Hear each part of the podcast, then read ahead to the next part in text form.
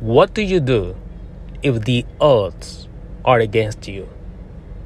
If all the possibilities of having success are against you? Do you believe in miracles? This is the Freddy Guevara Talks podcast. I'm your host, Freddy Guevara. This is your leadership podcast on the go. Yes, I believe in miracles.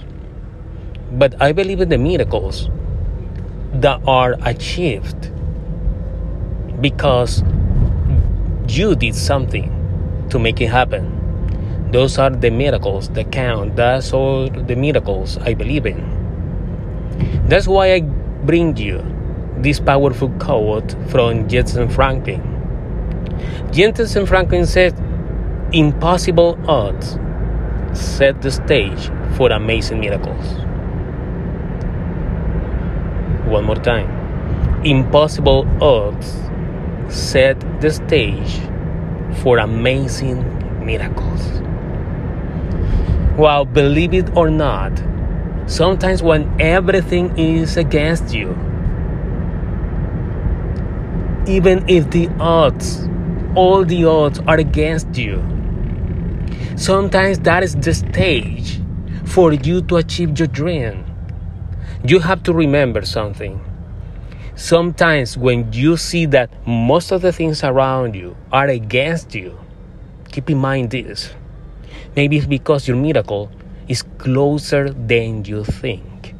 Maybe your goal, your vision, your dream is closer than you think. That's why you see around you many things against you opposition, conflicts, obstacles, challenges. Keep in mind this.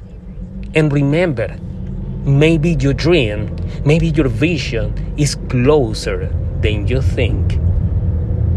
And also, I want you to remember keep in mind this. Sometimes, when the odds are against you, you get inspired. It doesn't matter if you face challenges, obstacles, and everything you see around you are problems and more problems. Believe in yourself and believe that maybe a miracle is closer. Get inspired, get motivated to achieve your dream, even if the odds are against you. Remember this quote Impossible odds set the stage for amazing miracles. Make miracles happen in your life.